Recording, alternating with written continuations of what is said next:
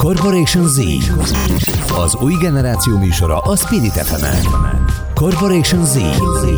Egy óra Trunktomival fiatalokról, nem csak fiataloknak. Stílus, sport, zene, tanulás és minden más, ami az Z-generációt érinti. Corporation Z. Trunktomival. Köszöntöm a kedves hallgatókat, én Trunk Tomi vagyok, Double és ez itt a Corporation Z, a Spirit FM-en. Az új generáció témáit boncolgatjuk egy kicsit más szemszögből, minden eddigi sztereotípját félrehajítva, és a mai vendégem számomra nagyon különleges, hiszen itt van velem Hartung Attila, egy fiatal kreátor, filmrendező, akinek a FOMO című filmje jelenleg is pörög a mozikban, és ahogy én érzem, és ahogy én hallom, egy nagyon nagy, hát nem is mond, azt mondom angolosan, hogy hype-nak, de egy tényleg egy nagy szájhagyomány által kreált felhajtásnak örvend.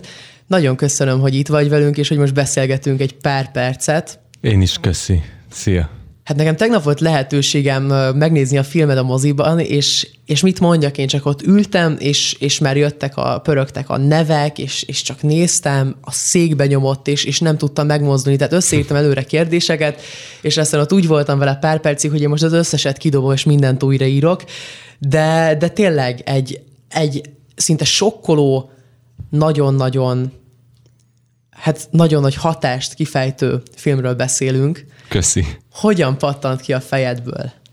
Úgy, hogy az előző tíz évenben azért nagyon sok házi buliban, meg kis bandázásban és hasonlókban vettem részt, és nekem a felelősségvállalás ez egy központi motivum volt, ami köré akartunk egy történetet írni a forgatókönyvíró társammal, és nagyon sok történetet elmeséltem neki, hogy mi gimiben miket csináltunk, hogyan viselkedtünk, mik voltak azok a sztorik a környezetemben, amiket hallottam, vagy közvetett, közvetlen módon találkoztam vele, és egyáltalán mi, mi ez a világ, amiben Budapesten, a budapesti éjszakában élünk, vagy egyébként bizonyos rétege a gimiseknek él házi bulikban, meg egyébként, és akkor ebből a csokorból állt össze a történet. Hát számomra tényleg az volt a durva, hogy így hallottam, hogy a 11. C-be jár, ugye az rögtön nekem, amikor ugye beszéltek, és a szerep rögtön, meg, rögtön nagyon megfogott, én is 11-es vagyok, és, és, és azért így, így, hogy pont az a korosztály, amiben én is vagyok, ez, ez azért végképp egy, egy még nagyobb hatást gyakorolt rám a film, hogyha kedves hallgatók tele még nem látták, akkor mindenképp ajánlom, hogy nézzék meg, és, és tényleg, és éljék át azt is, amit én átéltem, mert um, hát mindenképp, mindenképp nagy hatást gyakorolt rám, de akkor, ha jól értem, akkor ez valamilyen szinten egy igaz történetre, vagy igaz, igaz történetekre alapuló film, ami talán egy kicsikét um, olyan szinten filmesítve lett, hogy egy kicsikét talán egy extrémebb irányba még el lett húzva, kicsikét még nagyobb hatás lett neki adva, vagy ez, vagy ez egyszerűen a teljes valóság, ahogy te látod? Ez nem egy konkrét igaz történetet dolgoz fel, hanem van egy csomó eleme a történetnek, akár a házi buliban lévő jelenetek, akár a, a Budapesti éjszakában, amik, amik nagyon hasonló képpen a környezetemben megtörténtek, illetve nyilván egy realista történetet akartunk csinálni, azért is van az, hogy 17-18 évesek játszák a négy fiú, négy lány főbb szereplőket, és valódi helyszíneken akartunk forgatni, valamilyen szempontból a youtuber karaktereknek köszönhetően iPhone-nal is dolgoztunk, meg rendes filmkamerával is, de az volt a cél, hogy egy olyan történetet csináljunk, ami nem egy egy az egybe igaz történet, hanem egy olyan realista történet, ami meg tud történni a budapesti belvárosban, és elhisszük róla, hogy ez, ez egy reális sztori.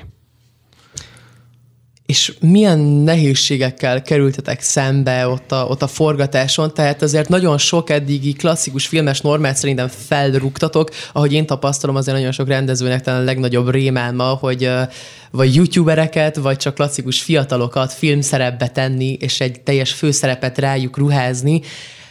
Mennyire, mekkora volt benned a félelem?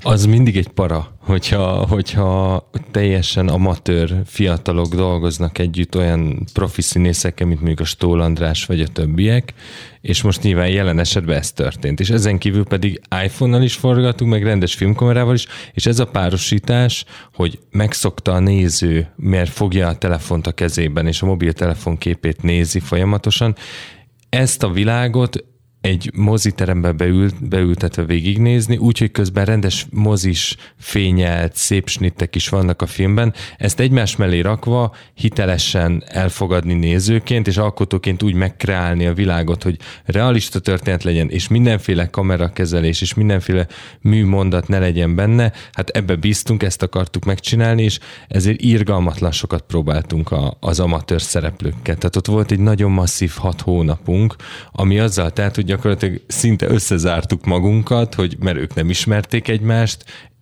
mi lekasztingoltuk őket, de, de nem ismertük őket, csak, csak a casting során, és akkor utána elkezdődött egy folyamat, ahol nagyon részletesen belementünk a forgatókönyvbe, a dialógokba, meséljenek történeteket, hogy ők milyen bulikba voltak, milyen éjszakai életet éltek a belvárosban.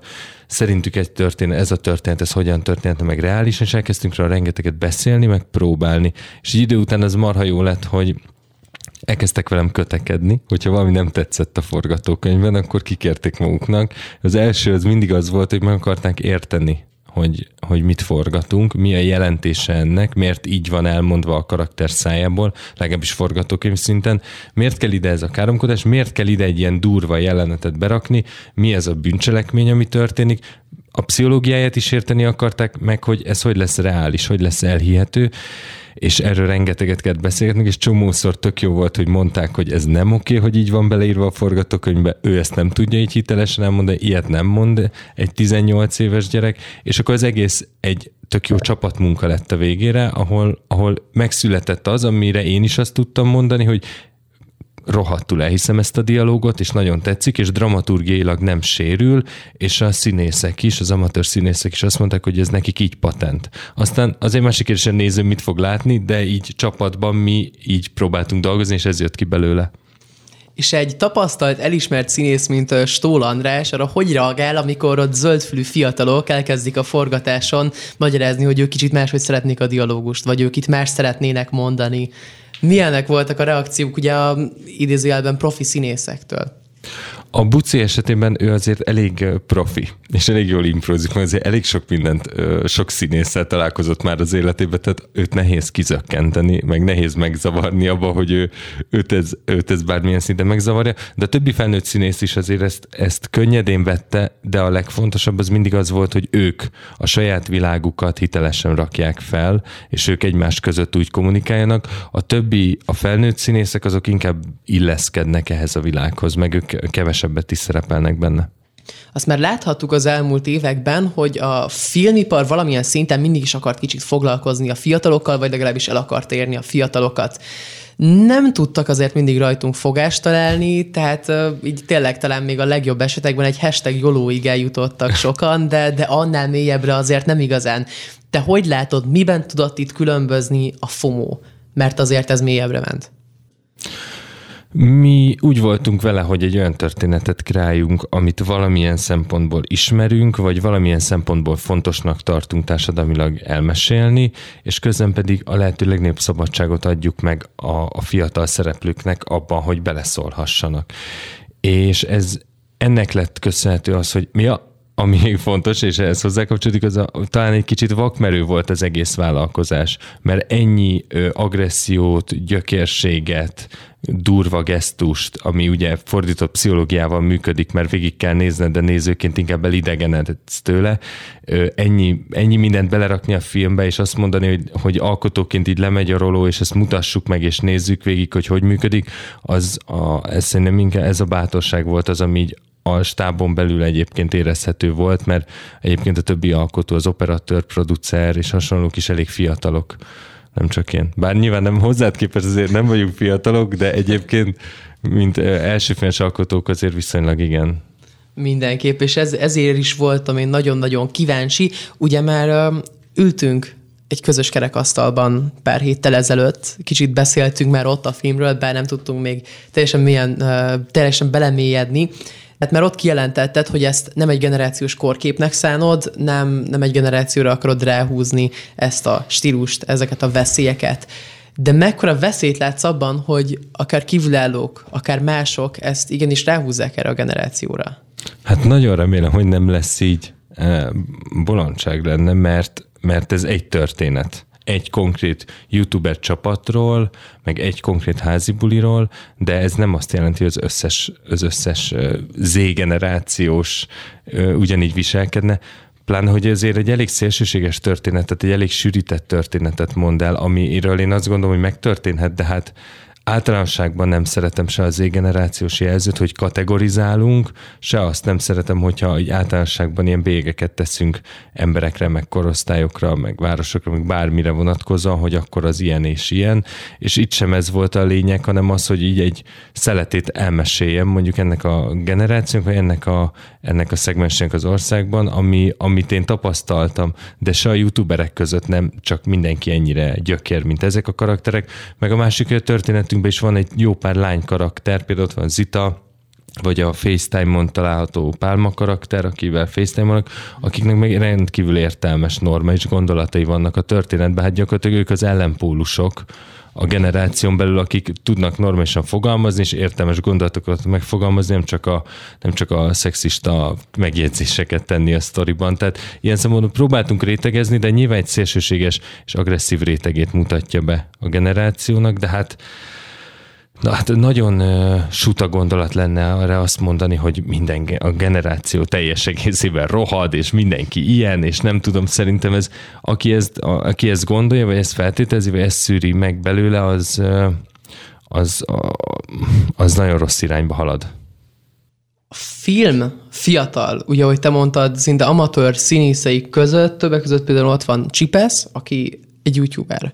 Ugye rá ilyen szinten nagyon is illik a szerep, tehát szinte, szinte tényleg, mintha rá lett volna szabva ilyen szempontból, de meg, mennyire volt fontos, vagy mekkora szerepet játszott az ő, az ő castingjában az, hogy, hogy mondjuk neki is van egy elérése, és akár így tud kapcsolódni ez a filmhez, vagy ez így egyetlen nem volt így gondolat, hanem csak, csak az volt a szempont, hogy, hogy legyen jó, hogy játsza jól el a szerepet. Marhatszik idején ezt nem tudtam, amikor bejött, csak az volt, és első nem is volt kiválasztva a szerepre, de az, amikor első castingra jött be, akkor, akkor nem is kellett youtuberes casting impro csinálnia, hanem akkor felhívtuk, hogy köszi, de nem te leszel, majd esetleg legközelebb később hívunk másik projektbe, és eltelt fél év a casting folyamatban úgy, hogy változtak kicsit a karakterek, meg, meg, meg ez a szerep gyakorlatilag üresen maradt a legvégére, és akkor vissza lett hívva egy castingra, ahol pedig ezt a youtuber szerepkört kellett egy kicsit konkrétabban megmutatni a castingon, és azt láttam, hogy hű, ez a gyerek, ez rohadt jó. Hát ő érti, hogy mit kell csinálni, érti ezt a világot. De... És mikor derült ki, hogy akkor ő tényleg egy youtuber? Amikor mondtam neki ezután a casting után, hogy te figyelj, ez, ez tök jó volt, hogy, hogy te ennyire képbe vagy, meg, meg ilyenek, és ja, hát én youtube-ozok, ezt nem tudtad? És akkor mondod, hogy csípesz a nevem, és akkor ja, bakker, de hülye vagyok. De, és akkor onnantól ez egyébként egyértelmű volt, de nem volt ez olyan szempontból szempont, viszont tök hasznos lett a végére az, hogy, hogy a, a többi srácok is folyamatosan tudott adni, meg tudta vinni ezt a flót, meg értette jobban ezt a világot. Az előbb említetted, hogy, hogy volt fél év vagy hat hónap, amikor csak a, csak a fiatal színészekkel um, próbáltatok. Most mondtad, hogy a casting periódusban is eltelt öt hónap. Azért milyen hosszú volt az egész projekt így a, a kezdetétől, tehát az első érezhető mérföldkőtől kezdve odáig, hogy, hogy tényleg elkészültetek vele? Három év, mert és ez kb. általános egyébként egy nagyjátékfilmnél, mert az elején azért minimum egy év megírni egy történetet. Hogy egy olyan forgatókönyv legyen, ami, ami működik, benne vannak a dialógok, áll a cselekménye, van eleje, közepe, vége, és és gurul a történet. És akkor utána még elő kell készíteni, amiben benne van ez a hat hónap, mi? Van, van benne casting, ami szintén hat hónap, mondjuk, egy jó intenzív időszak. Akkor utána még a próba folyamat, és akkor ezzel Emellett még megtalálni statisztákat, az összes helyszínt, a helyszíneket leszervezni, figyelni, hogy ne csúszunk ki a költségvetésből, leegyeztetni a forgatási dátumot. Utána le is forgatjuk még, ami még megint egy hónap, de akkor már, már már ideggyenge mindenki, és már kész, kikészült az előkészítéstől, és akkor utána jön a vágás, amikor a vágóval rögtön a forgatás után beülünk ketten egy akkor a szobában, mint ahol kb. most mi beszélgetünk, és végigülünk 6-8 hónapot, úgy csak ketten, hogy összevágjuk a filmet, hogy egybe legyen. A mi esetünkben egyébként két órás volt az első vágott, és abból lett másfél, de ez általában egyébként normális szokott lenni, hogy ezek bizonyos jelenetek, meg pillanatok kikerülnek a filmbe, ez Nyilván egy amerikai filmnél is hasonlóan van, csak ott lehet, hogy három órából húznak le 20 percet, vagy hasonlók, és akkor utána még hangkeverés, még egy nagy adag marketing, és akkor mehet a moziba. Szintén egy vitatott téma az új generáció munkamorálja, ugye szintén, nem tudom, hogy nem szeret ezt az generáció jelzőt, de ugye sokan mondják azt, hogy hát ez, ezek, az, ezek a mai fiatalok, ezek nem szeretnek, vagy nem akarnak dolgozni, nem tudnak lojálisan és odaadóan dolgozni. Én ezekről nem értek egyet, nekem itt megvannak a saját gondolataim, sokat beszélek ebbe, erről előadásokban, de arra kíváncsi vagyok, hogy te, aki azért, ahogy most mondtad, szinte éveket töltöttél el tényleg fiatalokkal dolgozva, ezt hogy látod? Én nem is értem ezt, hogy ez honnan jön, és miért gondolják ezt az emberek. Én pont az ellenkezőjét tapasztaltam.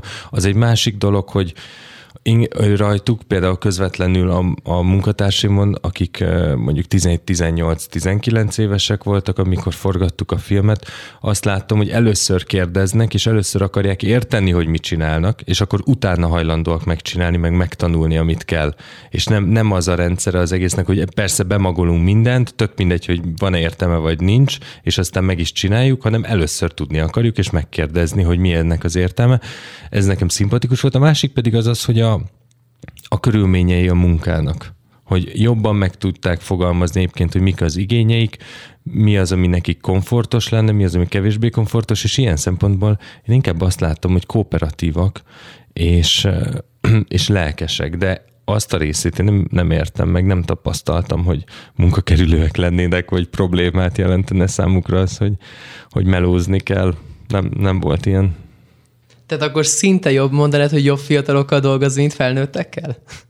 Ha, uha, de ez vágid általánosítás lenne, úgyhogy nem mondhatok igaz, ilyet. igaz, De, de az tény, hogy, hogy feldobták az összes forgatási napot. Az energiájukkal, meg mindennel. Még a, a legidősebb stábtagokat is megfiatalították egy 30-40 évvel. Hát elhiszem, hogy, hogy izgalmas volt, és ugye arról már beszéltünk, hogy, vagyis említetted, hogy a filmnek különböző részei mobiltelefonnal, iPhone-okkal lettek felvéve. Ez, um, ez és ők is vették fel, ja, a és szereplők. Ők, ja, és ugye a szereplők is vették fel. Tehát, hogy ez, ez egyrészt vágás szempontjából, másrészt a film összképének a szempontjából mennyire nagy jelentéssel bír. Az fontos volt, hogy ők vegyék fel az iPhone, vagy a mobiltelefon kamerás felvételeket, és hogy ezek hosszan, improvizatívan tudjanak forogni. Mert amikor rendes nagy kamerával odállt az MDA Kristóf operatőr, világítva a jelenetet, és elkezdett közöttük sétálgatni, akkor is tudtak improvizálni, de nem olyan hosszan, nem annyira jól. Viszont, hogyha csak egy telefon volt a kezükben, Körött, körülöttük volt 20 darab statiszta egy házi buliban, akik táncoltak és ittak, és nekik meg volt adva, hogy körülbelül mik a jelenetek, amiket végig kell csinálni, és mindenki háttérbe volt vonulva. És hát ez egy olyan helyzet innentől kezdve, amit át tudnak élni hetente amikor buliba vannak, vagy a Pesti éjszakában, hogy ott a telefon, rögzítenek, ismerik a varió funkciót, tudják, hogy kell mozgatni, és közösen marhulnak. És kezükben van jelen esetben alkoholmentes sör, de minden esetre náluk van valami pia. És ebben a helyzetben viszont nagyon hosszasan tudtunk rögzíteni nagyon intenzív improvizációs jeleneteket, mert így működött. És akkor néha beordíváltam nekik, hogy mit kéne másod csinálni, meg hasonlók, meg berohantam, és a fülükbe suktam, de így sokkal felszabadítóbb volt mindenkinek. Vágás során a vágó totál kikészült, és megőrült attól, hogy a szokványos, nem tudom, 40 óra helyett kapott 120 órát, amit végig kell néznie, csak azért, mert ennyit impróztunk, és ennyire elengedtük magunkat közben, de hát az kemény volt. Azt mind végignézni, kimuszterelni, kiválogatni a, a Peti, a vágó, azért nehéz napokat élt hát akkoriban emiatt. És mikor jött el benned a, az a döntés, hogy akkor ezt tényleg telefonon vegyétek fel, mert ugye én, mint uh, kívülálló azt gondolnám, hogy ezt így klasszikusan a filmiparban úgy veszik fel, hogy ott van a nagy filmes kamera, és csak oda teszi a kezét mellé a, a, a fiatal srác, mint hogy éppen vlogolna. Mindegy, én azt gondolom, mindegyik filmnek megvan a saját műfai követelménye. Tehát, hogyha ha történelmi filmet csinál valaki, akkor lehet, hogy azt kosztümös, nagyívű, nagy totálokban, szép kameramozgásokkal kell csinálnia, de hogyha ha egy fiatalos történetet csinál youtuberekről, meg fiatal, fiatal karakterekről, akkor viszont legyen gyors, legyen pörgős, legyen olyan, mint hogyha félig meddig a YouTube-on néznéd, és legyen nagyon intenzív, és legyen formilag minél inkább olyan, ami hozzájuk passzol, ami, ami az ő világuk. Hogyha ezt a filmet, ez a film úgy lenne elmesélve, hogy nagy, szép, totál, minden be van világítva, csorog a kamera egy fárt kocsin és hasonlók, és közben valami andalító zene szól, és mindenki nagyon szépen játszik, akkor az egésznek lenne valami olyan művi hangulata, amit a legmesszebb el akartunk kerülni. Az, azzal meg már nem akartam foglalkozni, nem voltam vele hajlandó foglalkozni, hogy hogy ez az intenzív kézikamera, ez lehet, hogy moziban egyes embereknek sok lesz, mert nem szeretik a kézikamerát, és azért ebben sok van, és hasonlók. Úgy voltam vele, hogy nekem formailag legyen hiteles, és passzoljon a generációhoz, és ez, ez volt a cél. Hát szerintem most szinte minden háttérinfót és technikai infót megtudtunk. Pár perc múlva vissza is térünk, és uh, én úgy érzem, hogy kicsit inkább um, az elvi dolgokról fogunk beszélni, hogy mik is a gondolataid ezzel a témával kapcsolatban, de erről majd pár perc múlva többet, addig is ne felejtsétek el, hogy minden adást a YouTube-on visszahallgathatok a Spirit FM YouTube csatornáján, és a spiritfm.hu-n is szintén tudtok minket hallgatni. Én addig is Double T voltam, és mindjárt újra itt leszünk. Corporation Z. Az új generáció műsora a Spirit fm -en. Corporation Z. Egy óra Trunktomival fiatalokról, nem csak fiataloknak. Stílus, sport, zene, tanulás és minden más, ami az Z-generációt érinti. Corporation Z. Trunktomival.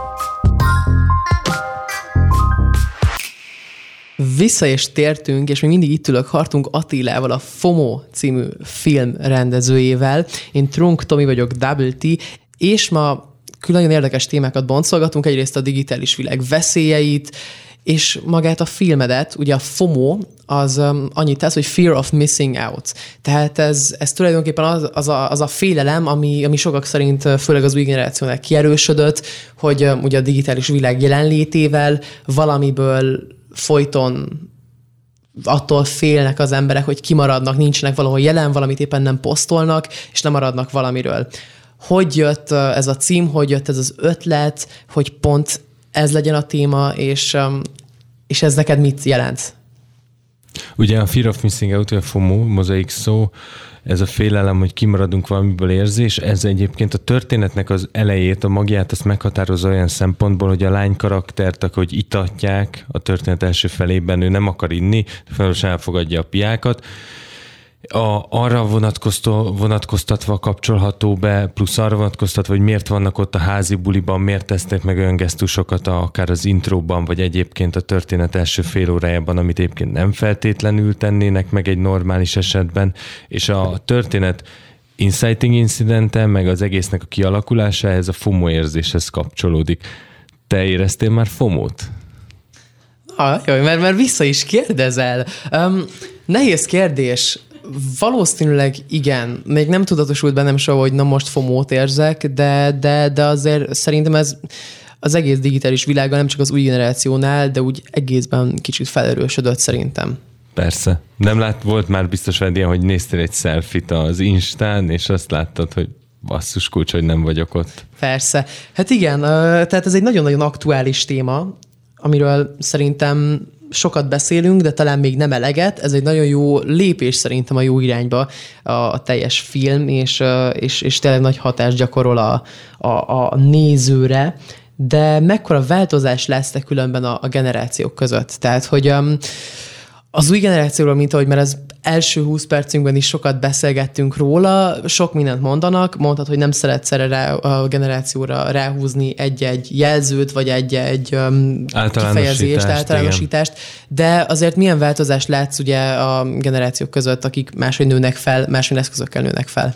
Sokkal gyorsabban alkalmazkodunk, vagy alkalmazkodtok. Így én Y vagyok, de egyébként épp éppen átcsúszok tulajdonképpen, fogjuk fel, így, mondjuk így, és, a, és az biztos, hogy a, a modern eszközökhöz, az új appokhoz, az új a technológiai fejlődéshez sokkal-sokkal gyorsabban. Az információszerzéshez, ahhoz, hogy mi spam, mi nem spam, hogyan változik és formálódik az egész, ilyen szempontból sokkal gyorsabban és innovatívabban tud hozzáállni a fiatalabb generáció, de valószínűleg az alfa meg a beta még inkább felkészült lesz ilyen szempontból.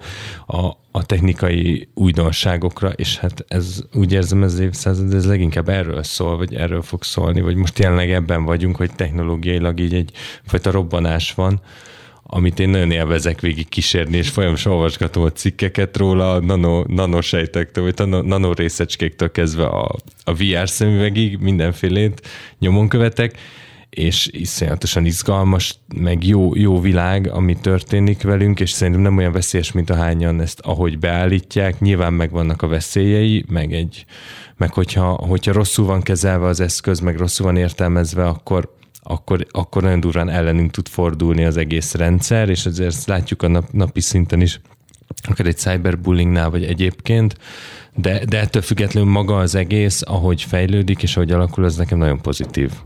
Ugye a FOMO leginkább ennek a digitális világnak a negatív oldalát, a veszélyeit mutatja be. Mégis milyen lehetőségeket látsz ebben a digitális forradalomban? Összességében igen, a történet ilyen szempontból végtelenül negatív, meg tényleg a cyberbullying megjelenik benne, meg egy nagyon erőszakos bűncselekmény, amit fel is vesznek videóra, meg ez elterjed a neten, és egy cikizésé formálódik.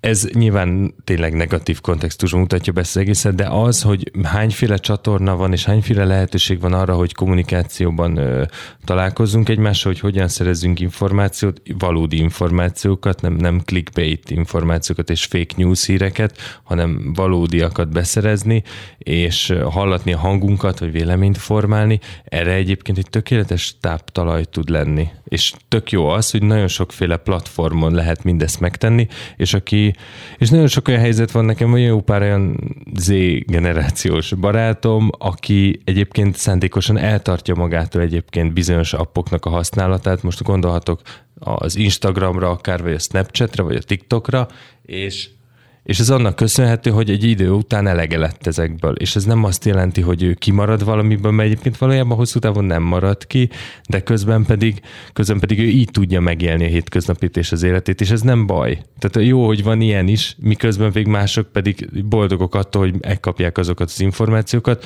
Ez eredményezhet egyfajta függőséget is, én azt gondolom, bár nem vagyok téma szakértő, csak magamon tapasztaltam ezt, de azt nemrég olvastam, hogy a Facebook az meg elkezd egy ilyen, egy ilyen újítást, hogy megszünteti azt hiszem a like funkciót, és ezt például én nagyon-nagyon értékelem, hogy az Instán meg a Facebook ez el fog tűnni, mert amúgy az egy, az egy ilyen súlymérő volt tulajdonképpen, hogy mennyire jó az alakod, vagy mennyire vagy jó fej, hogy 678-an lájkoltak, vagy 1200-an, vagy csak 62-en. És, és tök jó, hogy ez eltűnik, és ezt nem lehet már oda rakni egy kép mellé majd. Igen, érdekes, hogy ezt mondtad, mert az most tényleg ez most talán a legfrissebb és a legtöbbet, legnagyobb, legtöbbet vitatott hír a közösségi média platformokkal kapcsolatban. Ugye, ahogy mondtad, terhek sokaknak a, a lájkok, egy nagy súlya van, egyre nagyobb súlya van ezeknek, mégis a filmiparban mekkora súlya van a, a, a nézettségi számoknak, tehát hogy mennyien nézik meg a filmed első hétvégén, második hétvégén, vagyis hogy alakul ez az egész világ? Ez magyar filmnél nagyon specifikus, mert ugye az amerikai blockbustereknél akár egy képregényfilm, vagy akármilyen független amerikai nagy produkciós sztárokkal, az ugye nagy cégtől jött ki, annak vissza kell termelnie a pénzt, és akkor feketén-fehéren ott vannak a számok és a matek, és akkor vagy, vagy teli van a kassa, vagy félig üres, vagy bukás, vagy nem. Ez csak a számokon múlik. És akkor a marketing költségre is rááldoznak még egy 120 millió dolláros filmnél még mondjuk 100 millió dollárt, hogy visszatermelje. És hogy hozzon 400-500 milliót. Ez tök érthető egy amerikai filmnél, egy magyar film esetében az az általános tendencia, hogy nem szeretik nézni a magyar filmeket, nagyon szűk szubkultúra és réteg az, aki hajlandó rá beülni, hogyha nem egy kincsemről vagy egy viszkis című filmről van szó. Plusz egyébként nincs túl sok marketing támogatási pénzese a magyar filmeknek, tehát el se nagyon tud jutni a nézőköz, de ami, ami a nagyobb baj, az a bizalom hiánya a magyar filmek iránt, és a, például a fiatal generáció, aki tényleg, mit tudom én, 14-től 22-ig tekintetünk mondjuk rá, kb. Ők meg aztán legkevésbé akarnak magyar filmeket nézni. Nem féltél akkor? Tehát, hogyha, hogyha tényleg ez a belső insight, az iparbéli insight, hogy nem néznek a fiatalok magyar filmeket, akkor mégis mi motivált arra, hogy igenis, te ezt akkor is megcsinálod ezt a filmet így, ahogy van? 16-os besorolású lett a filmünk, tehát 16-tól tudok tekinteni ugye a nézőinkre, de első körben a 16 plusz 6-7-8 év mondjuk az, az a nézőközönség, akiknek elsősorban készítettem a filmet, és nekik szól első körben, második körben szülőknek, de ez a, ez a fiatal kamasz csapat, akik esetleg beülnek rá, remélem élvezni fogják, de az biztos, hogy nem igazán jut el hozzájuk, és próbáltuk influencereken, youtubereken keresztül kommunikálni erre a filmre, hogy ez létezik, és érdemes elmenni rá. Ettől függetlenül, hogyha, hogy van egyfajta ilyen bizalmatlanság, hogyha ott van annak a kasszáknak, akkor inkább megveszik a pókemberre a jegyet, amit egyébként tökre meg tudok érteni, mert visszaemlékszem arra, hogy 8 évvel ezelőtt, amikor ott álltam érettségi előtt mondjuk, és egyszerre jutottam a West Endbe, akkor és egyszer volt 1500 forintom mozi egyre, akkor én is azt választottam inkább bizonyos helyzetekben, mert az biztos, az tuti. Egy magyar filmnél meg az a, az a sztereotípia, hogy az nem tuti. Az lehet rettenetesen rossz is, meg közepes is, meg viszonylag jó is. És ilyen szempontból ez, ezt sajnálom, más szempontból meg nem azért készítek filmet, hogy ezt majd 300 ezer néző megnézi Magyarországon, és akkor hatalmas siker lesz, és nem tudom én mi, mert mert akkor egy ilyen nagyon közönségfilmes vonalat akarnék vinni, ami szerintem akkor felülne egy olyan szekérre, ami szerintem nem feltétlenül jó ízlésű mindenképpen, és inkább csak el akartam készíteni azt a filmet, ami nekem jó, és nekem tetszik, és realista, és reménykedni benne, hogy megtalálja a közönségét, mint hogy a fiatalokat. Kicsit most jobban belemélyednék a filmed által vitatott témákba. Tehát nagyon sok példát láthattunk már iskolából kiinduló, de mégis iskolán kívül történő zaklatásokra, um, akár cyberbullyingra, hogy a filmben is, de mégis az intézmény nem tudott um, jogilag, vagy nem is akart ebbe pontosabban belenyúlni. Szerinted ez a felelősségvállalási határ mennyire kéne, hogy változzon, um, hogyan kéne ezt akár jobban elosztani? A történetnek a része ugye egy szexuális bűncselekmény, egy durva, durva bűncselekmény, szexuális erőszak, és cyberbullying. És a, amikor elkezdtük ide a forgatókönyvet, akkor felvettük a kapcsolatot nyilván pszichológussal, meg nagyon sok emberrel, aki a témában érintett, és végig konzultáltunk, meg átbeszéltük részletesen a pszichológiáját. Akkor belefutottunk egyébként olyan történetekbe, ami konkrét iskolákhoz kötődnek, és valamilyen szinten félig mendig elvarratlan maradt, vagy úgy lett lezárva, ahogy nem kéne lezárni, olvasni ezeket a történeteket, tehát nyilván ebből is tudtunk inspirálódni. Összességében e, ezeket én láttam és tapasztaltam, és mindenképpen azt akartam, hogy megjelenjen a történetben. Ezért is van egy külön kicsi szekvencia az igazgatóra, meg a tanári karra vonatkozóan, de, de mivel nem vagyok a téma szakértő, ezért tényleg csak azt, azt tehettem, hogy szembesültem vele, megtapasztaltam, hogy milyen ez a közeg, meg mennyire be tud zárni, meg minden szőnyeg alá söpörni, de nem csak ez, nagyon sokféle közeg egyébként nyilván, és, és mennyire toljál magáról a felelősséget, és ezt az ízt, ezt mindenféleképpen bele akartam tenni, hogy, hogy ma 2019-ben Budapesten egy ilyen eset történik, akkor az valahogy így lesz eltusolva. És ez a metódusa, és ezt akartuk megmutatni minél hitelesebben. És szerintem így még talán a jó szó az lenne, hogy talán még attraktívabb bevel szerintem a film azon keresztül, hogy tényleg nem egy szakértő vagy, vagy egy szakértős brigád voltatok, hanem igazi emberek, akik igazi tapasztalatokból éltek. Ezért is kérdezném meg tőled azt, hogy szerinted akár um, a nevelés szülői vagy iskolai szempontból mennyit kéne, hogy még változzon, vagy, vagy akár már van-e változás? Az nagyon vicces, hogy nem pont, pont tegnap láttam egy fotópárt arra vonatkozóan, hogy hogy néz ki, hogy nézett ki, azt hiszem 1919-ben egy tanterem, és hogy néz ki Budapesten, és hogy néz ki 2019-ben egy tanterem Budapesten, és totál ugyanúgy nézett ki, csak a fotónak a minősége volt más. És szerintem ezért az elgondolkodtató, hogy ennyit sikerült fejlődni, miközben, hogyha kijövünk a tanteremből, akkor már iPad-del és, és iPhone-nal rohangálunk fel alá, és VR szemüvegeket hordunk, de valahogy, ha oda belépünk, akkor nem történik semmi, hanem kicsit megállt az idő. Ez a része probléma, a másik pedig szerintem az még, hogy a, a szülők ők nem igazán néznek youtubereket, nem informálódnak Instagramról, nem tudják mi az a TikTok, nincsenek tisztában ezzel a világgal, nem tudják, most sorolhatnánk pár youtubert, de hogy nem nincsenek tisztában ezeknek az embereknek a neveivel, nem, nem kötődnek hozzá, tehát ők leragadtak a, a valamelyik tévének a főműsoridei programjánál, amit viszont szerintem mi meg már nem nézünk annyira, és akkor itt van egy hatalmas kommunikációs probléma, hogy másik világban élünk. Tehát a filmedben is láthattuk azt tényleg, hogy öm, ott álltak a szülők, ez a teljes cyberbullying során, és egyrészt az elkövető, és másrészt még az áldozat oldalán is nem tudták a szülők, hogy hogy kezeljék, hogyan tudnának ebbe igazán hát ha nem is belenyúlni, de valahogy, valahogy javítani a helyzetem, vagy, vagy, vagy a szülői szerepüket betölteni. Úgyhogy, úgyhogy akkor gondolom te is úgy látod, hogy azért, azért van, van jelenleg um, helye edukációnak akár, akár a felnőttek felé is. Persze, az nyilván egy másik probléma, hogy így gyakorlatilag egy csetintésre ki tudnak kerülni fals információk, vagy félreérthető fotók az online térbe, és aztán pedig mindenki ítélkezik, amit csak akar. Ugye ismerjük a kommenteket, hogy milyen kommentelők vannak, és milyen agresszívan vonnak lekövetkeztetéseket a semmiből egy olyan témakörrel kapcsolatosan, hogy nem is látták, nincsenek is fel tisztában, csak ott egy fotó vagy egy gif, és már előzöllik 202 komment, és gyakorlatilag a vége egyfajta nagyon súlyos kirekesztés. Hát a valóságban se kell sokkal messzebb menni, de hát azért ennek folyamányaképpen azért már voltak öngyilkosság kísérletek, meg öngyilkosságok is azért a közelmúltban is, ami kifejezetten ennek volt köszönhető, úgyhogy egy pillanat alatt el tud fajolni egy-egy fotónak köszönhetően is akár, és, és nem mindig van utána gondolva a súlya meg a tétje annak, hogy, hogy mi mit eredményezhet. A digitális világ hatásairól szerintem már szinte minden témában beszéltek emberek, pszichológusok, szakértők, de talán kevesen vitatják tényleg azt, amit a film is kicsit vitat, hogy ez milyen hatással van igazából a szexualitásunkra, az új generáció szexualitására. Te ezt uh, hogy látod, vagy mi volt az, a, az az insight a film előtt, amiből úgy kiindulva, nem akarok semmit leszpoilerezni, de az, de az egész um, filmet úgymond felépítetted, mert azért ez egy, ez egy fő téma a filmben.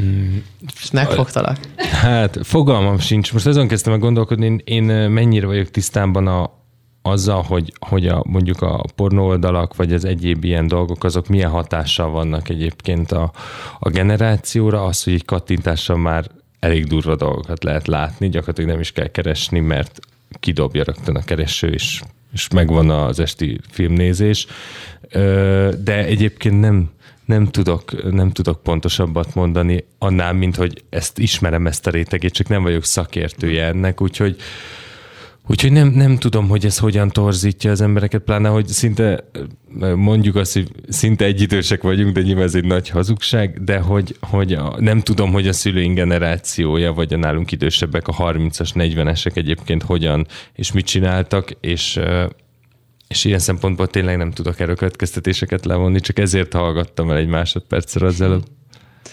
És milyen volt most tényleg még amire tényleg kíváncsi lennék. Milyen volt most a, a visszajelzés, a reakció a filmre? Mennyire vagy elégedett, meglepődött, csalódott? Hogy éled meg? Nekem a legjobb élményeim azok voltak, amikor a gimnazistákkal ültem le beszélgetni, ebből hál' Isten jó pár eset volt, és velük láttam azt, rajtuk láttam azt, hogy legszebben, legpontosabban, legegészségesebben elemzik a sztorit, és, és a leg, legjobban értik, a legjobban kérdeznek, a legkötekedősebbek is, meg a legkritikusabbak, de közben pedig valahogy mégiscsak akik a legjobban tudnak kapcsolódni az egész történet, ez az ők, ők voltak. És ezen kívül meg, meg valahogy egy kicsit azt vettem, hogy mindenkit más érdekelt a filmben az idősebb generációk közül. Volt, aki, volt, aki olyan szemmel nézte, hogy az, neki van egy fia, apukaként, és hogy a fia az ezt csinálja valószínűleg az éjszakában, amiről nem is tud, vagy csinálhatja ezt az éjszakában. Van, akinek lánya volt, és anyuka, és úgy beszélgettem vele, és akkor ő meg oda vonatkoztatott vissza. Tehát nagyon sokféle szemszögből kaptam véleményt. Összességében Összességében én azt gondolom, hogy nagyon pozitív véleményeket kaptam, és azok jöttek, nagy részt azok jutottak el hozzám. És akkor mi a jövő? Most um, akár belevágsz hamarosan egy újabb játékfilmbe, egy, egy nagy filmbe, vagy, vagy, vagy ezt a témát tovább boncogatod, vagy akár egy nagyon más irányba elmész?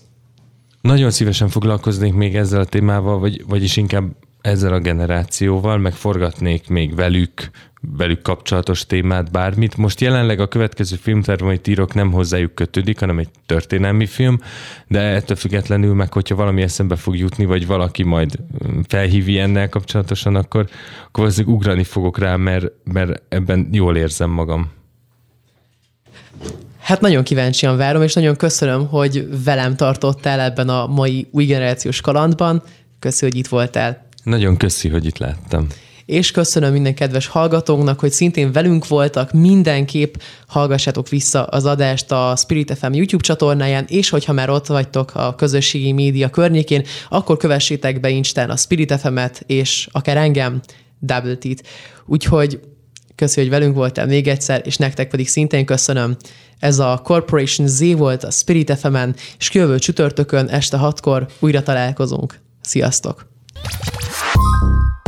Ez volt a Corporation Z. Corporation Z. Trunk Tomival, a Spirit FM-en.